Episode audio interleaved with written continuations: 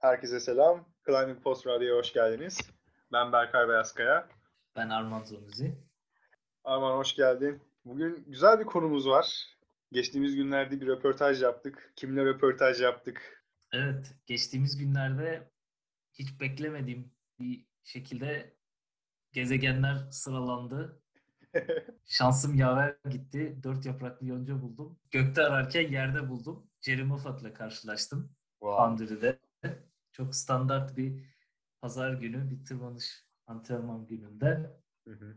Ve kendisiyle röportaj yapma şansımız oldu. Climbing Post olarak. Nasıl karşılaştık onu söyleyeyim. Başarısız bir rotanın ardından biraz canım sıkkın bir şekilde su almak için çantama gidiyordum. Ceri abi de benim çantamın olduğu raflara sırtını yaslamış birisiyle konuşuyordu.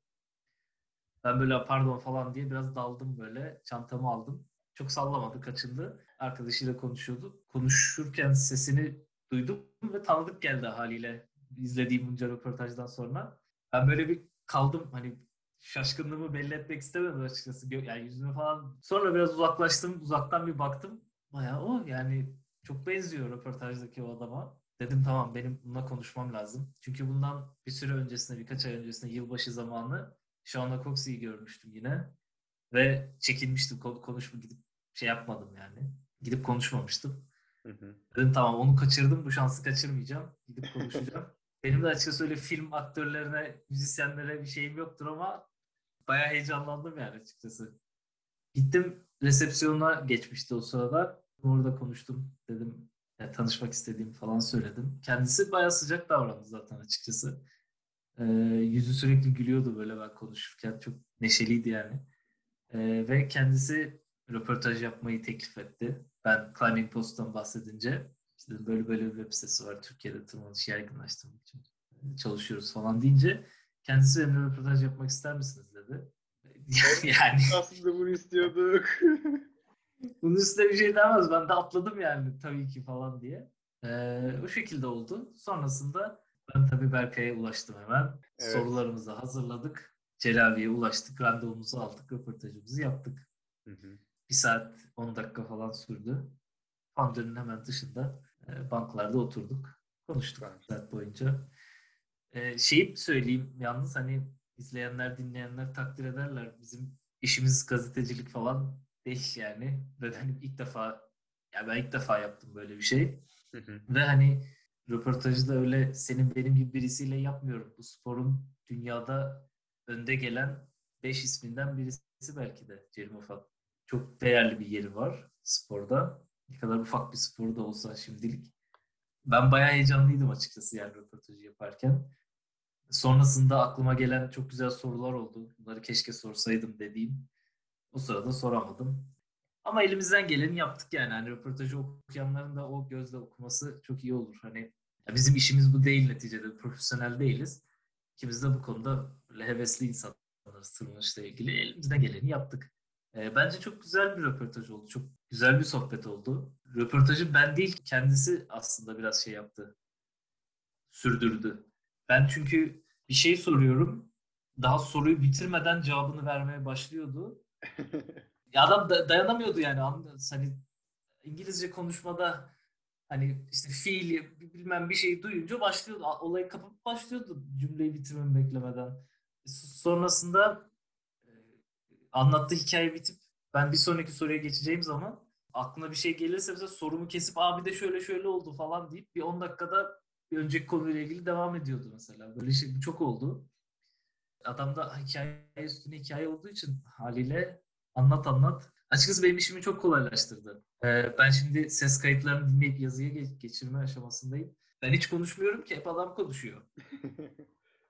İşi zorlaştırıyor biraz haliyle. Çünkü her şeyi yazmak gerekiyor muhabbette. Ama aslında olması gereken de o. Oraya kimse beni dinlemek için o röportajı okumayacak yani kimse.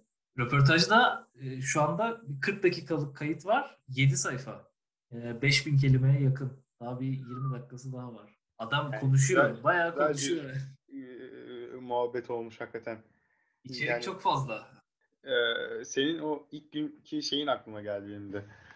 Direkt beni WhatsApp'tan aramıştın. Abi sana çok güzel bir haberim var tarzında. O, o anki sesindeki heyecanı hissetmiştim yani. Röportaj kesinleşti. Sonrasında biz hadi oturup hazırlanalım dedikten sonra araştır. Zaten hani Cerimofat hakkında sen de ben de bir şekilde bir bilgi sahibiydik. Okuduğumuzdan, araştırdıklarımızdan vesaire önceki bilgi, bilgilerimizden.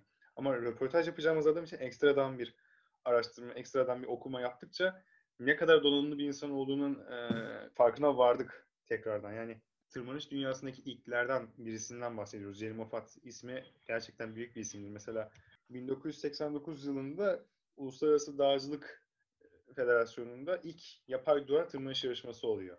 Bunlardan da önce Sport Rocce adı verilen İtalya kayalıklarında başlayan sadece kayada yapılan yarışmalardan bahsediyoruz aslında. Bu o ilk yarışmalara da katılıyor.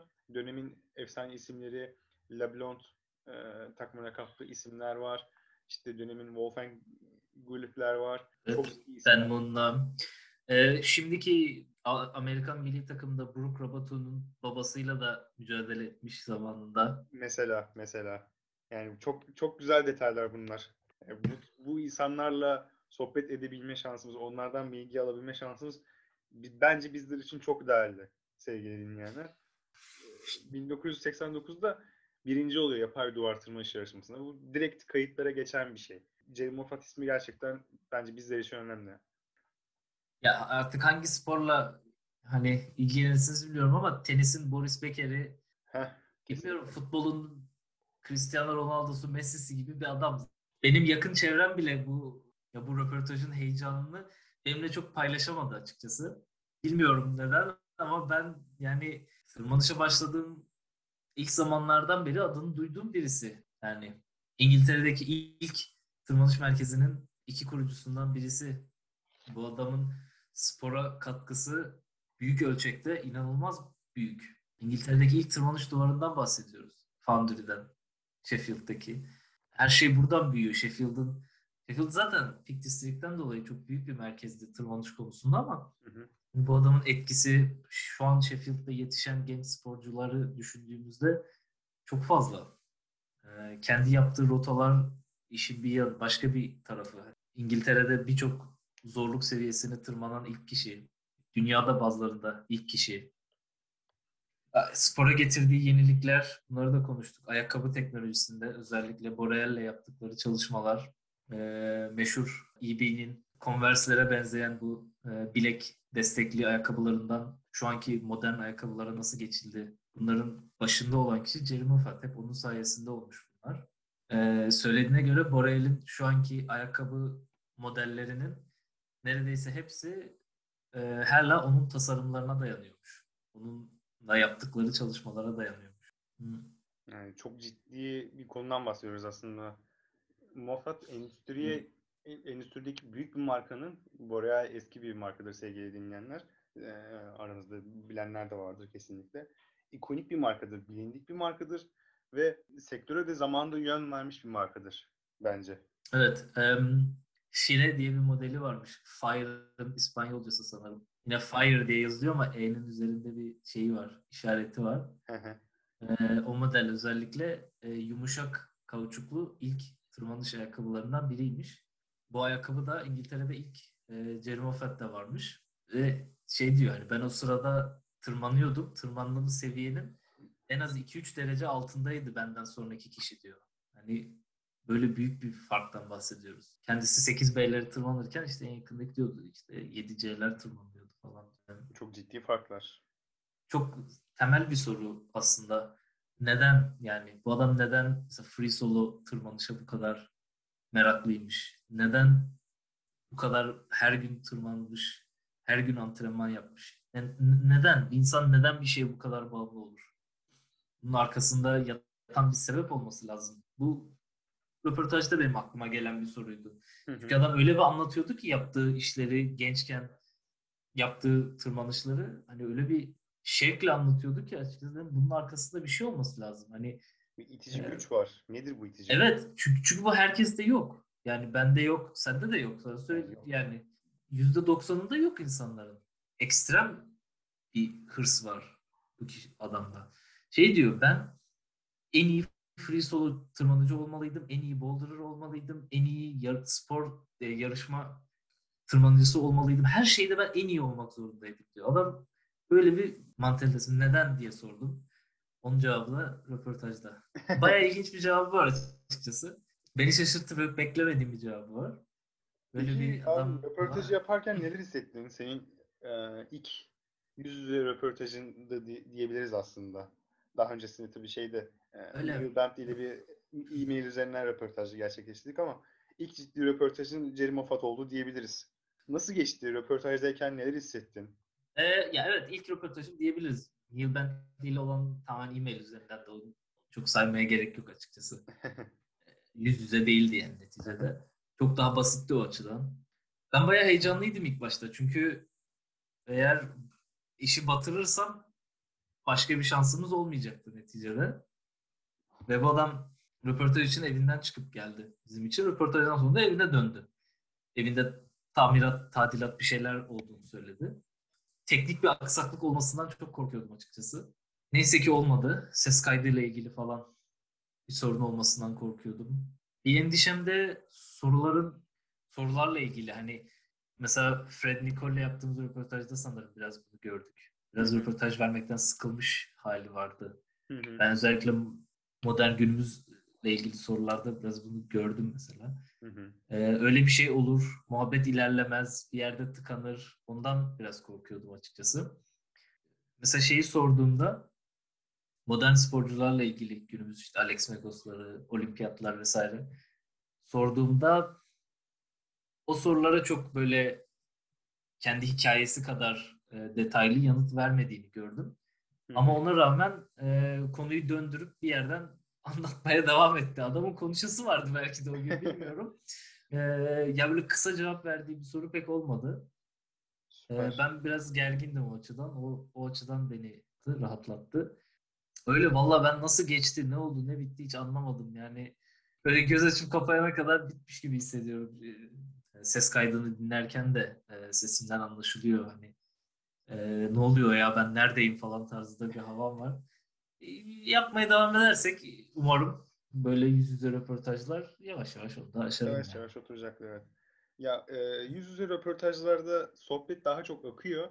Fakat e, az önce bahsettiğin Fred Nicole röportajı da yer yaptığımız e, sevgili Neil Bentley röportajı da e, mail üzerinden yaptığımız röportajlarda yani kişilerin isteği tabii ki de burada öncelikli sevgili dinleyenler. E, Climate Post olarak alternatif sunuyoruz. Yani nasıl röportaj yapmak istersiniz? Bizim önceliğimiz yüz yüze oluyor. Yani online ortamda yüz yüze oluyor. Ama eğer onu yapmak istemezlerse ve e, sen bana soruları gönder şeklinde bir röportaj formatlarında ilerlemek isterlerse onları kırmıyoruz tabii ki. Sonuçta bizim için önceliğimiz onlarda edineceğimiz bilgiler. Bu durumda onlar için yeterli olabiliyor o yazdıkları bilgiler.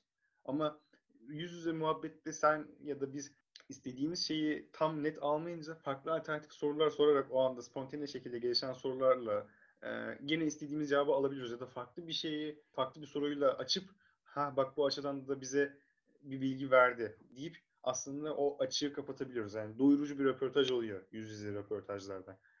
Ee, onu söyleyeyim. Evet o kesinlikle oldu. Ee, elimizde hazırladığımız soruların hepsini sordum açıkçası. Ee, onun dışında başka sorular sorma şans sor, sorularda sordum. Sürekli sordum yani. Çünkü anlattıklarında bayağı ilginç detaylar oluyordu. Takıldığım bir şeyi merak ettim, sordum. Ee, umarım okuyanlar için de ilgi çekici olur. Umarım. Şey tarafında da e, haklı olabilir. Bu profesyonel sporcular tarafından yani spekülasyon yaratmama, yaratmamak adına e, evet. Alex Megos tarafında e, siyasetçi cevabı vermiş olabilir desek yerinde olabilir. ee, onu da anlıyorum. Hı hı. Sonuçta bu röportaj yayınlanacak ve günümüz dünyası 21. yüzyıl neyin nereden çıkıp evrilip çevrilip kimin hangi kelimeyi nereden çekeceği belli olmuyor. Kesinlikle. O yüzden belki bizim sorumuz yanlıştı. Çünkü bam diye olimpiyatlarda olimpiyatlarla ilgili bir soru sorduk yani. Hani kim daha başarılı olur? Tabii ki bir bağlamı vardı bunun. Okuyunca Tabii. göreceksiniz. Öyle direkt gidip e, Jerry olimpiyatları kim kazanır diye, diye sormadık. Evet. E, bir temeli oturtmuştuk o soruyu. Sen Hı-hı. oturtmuştun. Senin sorundu. Ama yine de açıkça söyleyeyim ona çok bir cevap vermedi. Biraz hani yüzünden de tahmin ettim. Çok vermek istemedi. Varsa da bir tahmini. Hmm. Belki de yok. Belki de ta- takip etmiyordu o sporcuları artık. Belki de evet. Hani etmek zorunda değil ya. Adamın Yani. işi, işi var, gücü var, ailesi var yani. Bu onun mastermind kapsamında profesyonel sporcular bizim işte takip ettiğimiz çoğunluğu olimpiyatlara gidecek olan sporcularla kitabı için ayrı röportajlar yapmıştı ama bu röportajlar tabii 2006, 2016, 17 yılları arasında falan da e, o zamanları kapsıyor Tabii. Ya oradan kesin izlenimleri olacağını düşünüyorum Cerim Afat'ın. Ee, Adam Ondra ile ilgili ilginç bir e, şey söyledi mesela bahset, bahsedeyim ondan.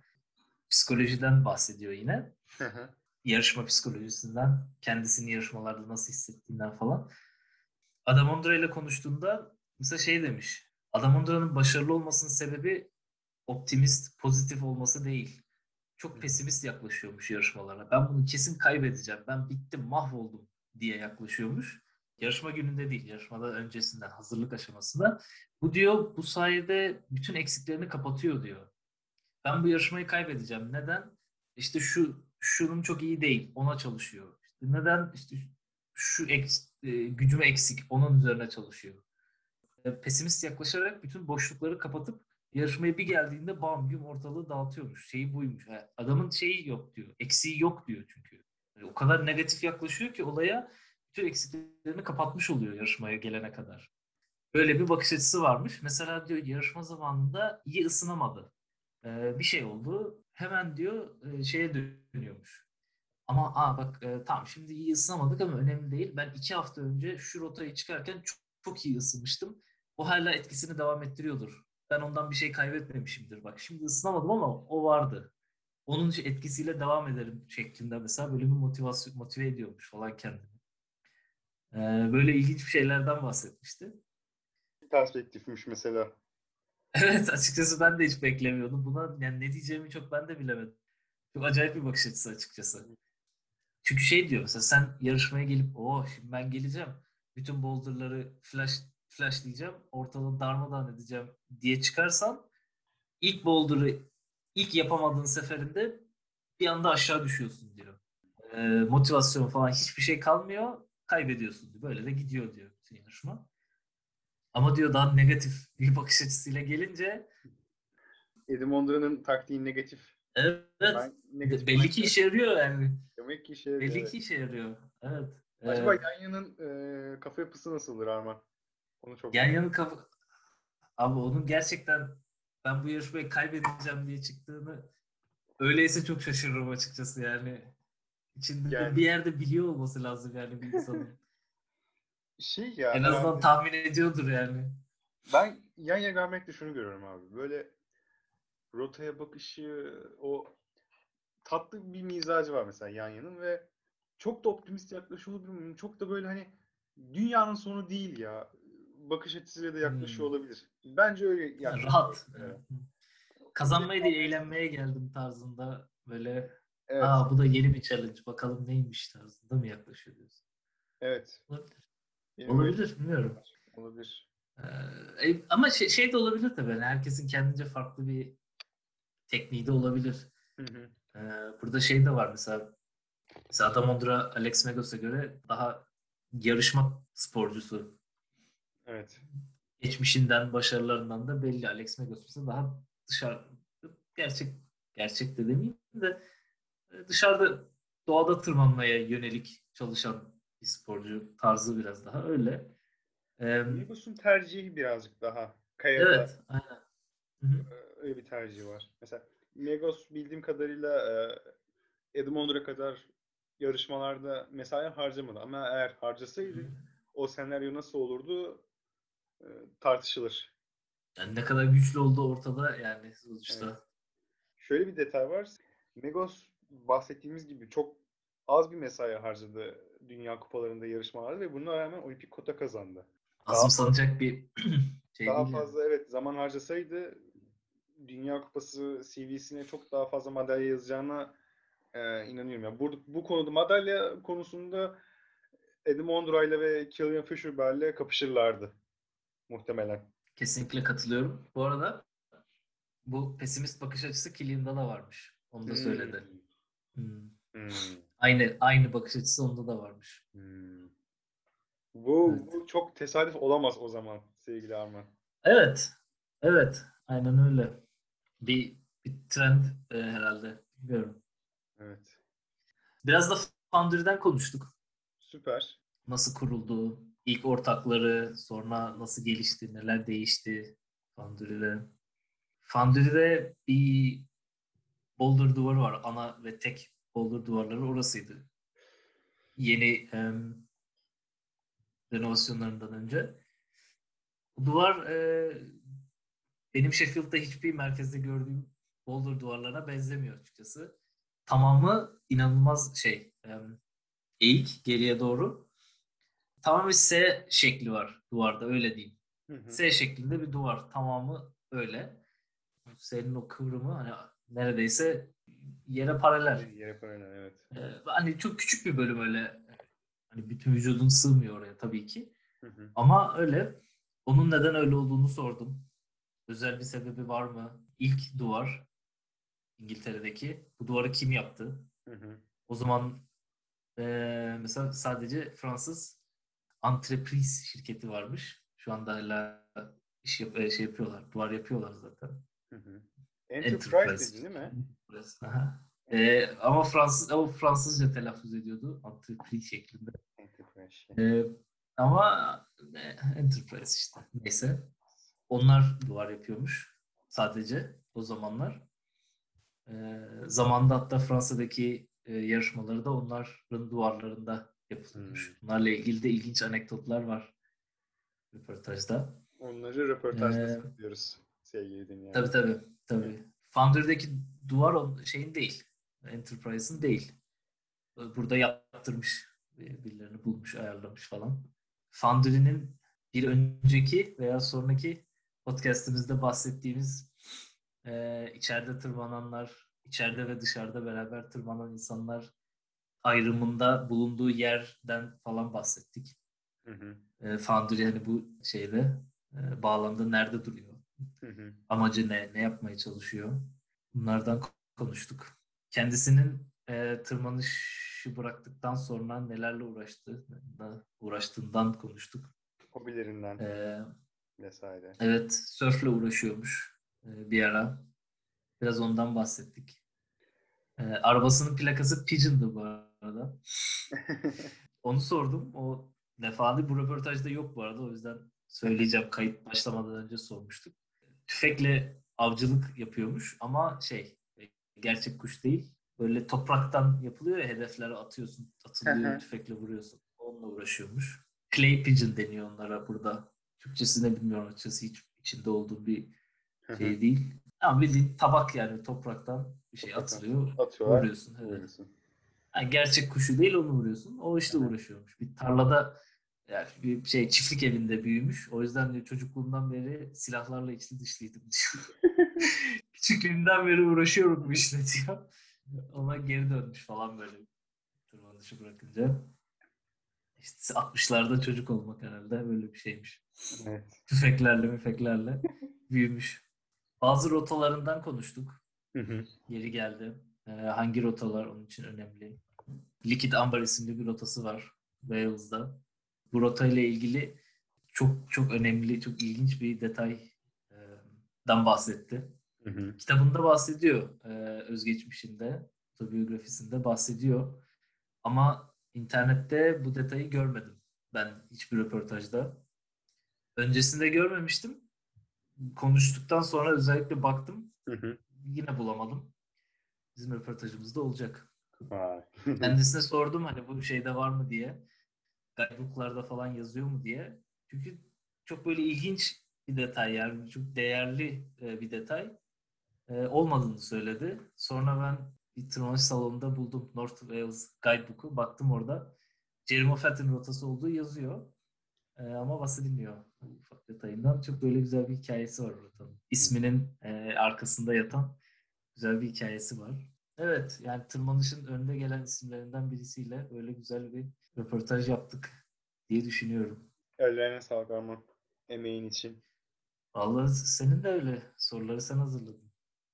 Teşekkür ederim. Beraber hazırladık ya.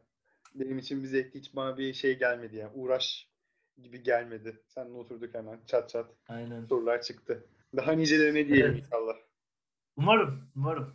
Bu podcast yayınlanmadan önce ya da sonra siteye bakmanızı tavsiye ederiz. Instagram sayfamızdan, LinkedIn sayfamızdan bizleri takip edin. Twitter'da da varız. Bu podcast'i koymadan önce ya da sonra yayınlamış olabiliriz. Onu ayarlayacağız. Ama yani yakın zamanda sitemizde olacak. Cerim Afat röportajı hem Türkçe hem İngilizce haliyle. Arman son olarak eklemek istediğin e, düşüncelerin, yorumların senin için böyle öne çıkan Vallahi başlık Cerim Afat röportajında. ünlü sektörde bilinen insanı tan- daha yakından tanımış oldum röportaj sayesinde. Bayağı da güzel oldu. Ee, istiyordum da kendisiyle tanışmak. Finding Post haricinde o fırsata da erişmiş oldum. Umarım e, daha daha nicelerine diyelim. Hani her röportaj bir sonrasının için kapı bizim için. Evet. Evet. Bakalım. Ben çok mutluyum böyle bir şansım olduğu için. Açıkçası çok güzel oldu. Sevgili dinleyenler hakikaten biz de Climbing Post aslında bilgiye ulaşmamız için güzel bir platform sağlıyor bize aslında. Yani bir araç sağlıyor. Bu, bu platform sayesinde konuşamadığımız kişilerle konuşma imkanı sağ, e, sağlıyor bizlere. Hem bizlere hem biz öğreniyoruz bu vesileyle hem de sizlere aktarma fırsatımız oluyor ve sonrasında sohbet, muhabbet edebilme, olan bilgilerimizi üzerine koyup ne yapabiliriz'i konuşma imkanı tanıyor aslında. Biz e, bu hoşumuza gidiyor. Ve dileriz ki bunu e, daha büyük bir şekilde, daha kalabalık bir şekilde, daha iyi bir şekilde yapabiliriz. Zaman geçtikçe, gün geçtikçe. Amacımız bu. O yüzden e, tekrar teşekkür ediyorum Arman emeğin için. Ben teşekkür Tamam. ederim. Bir sonraki podcast'imizde görüşmek üzere sevgili dinleyenler.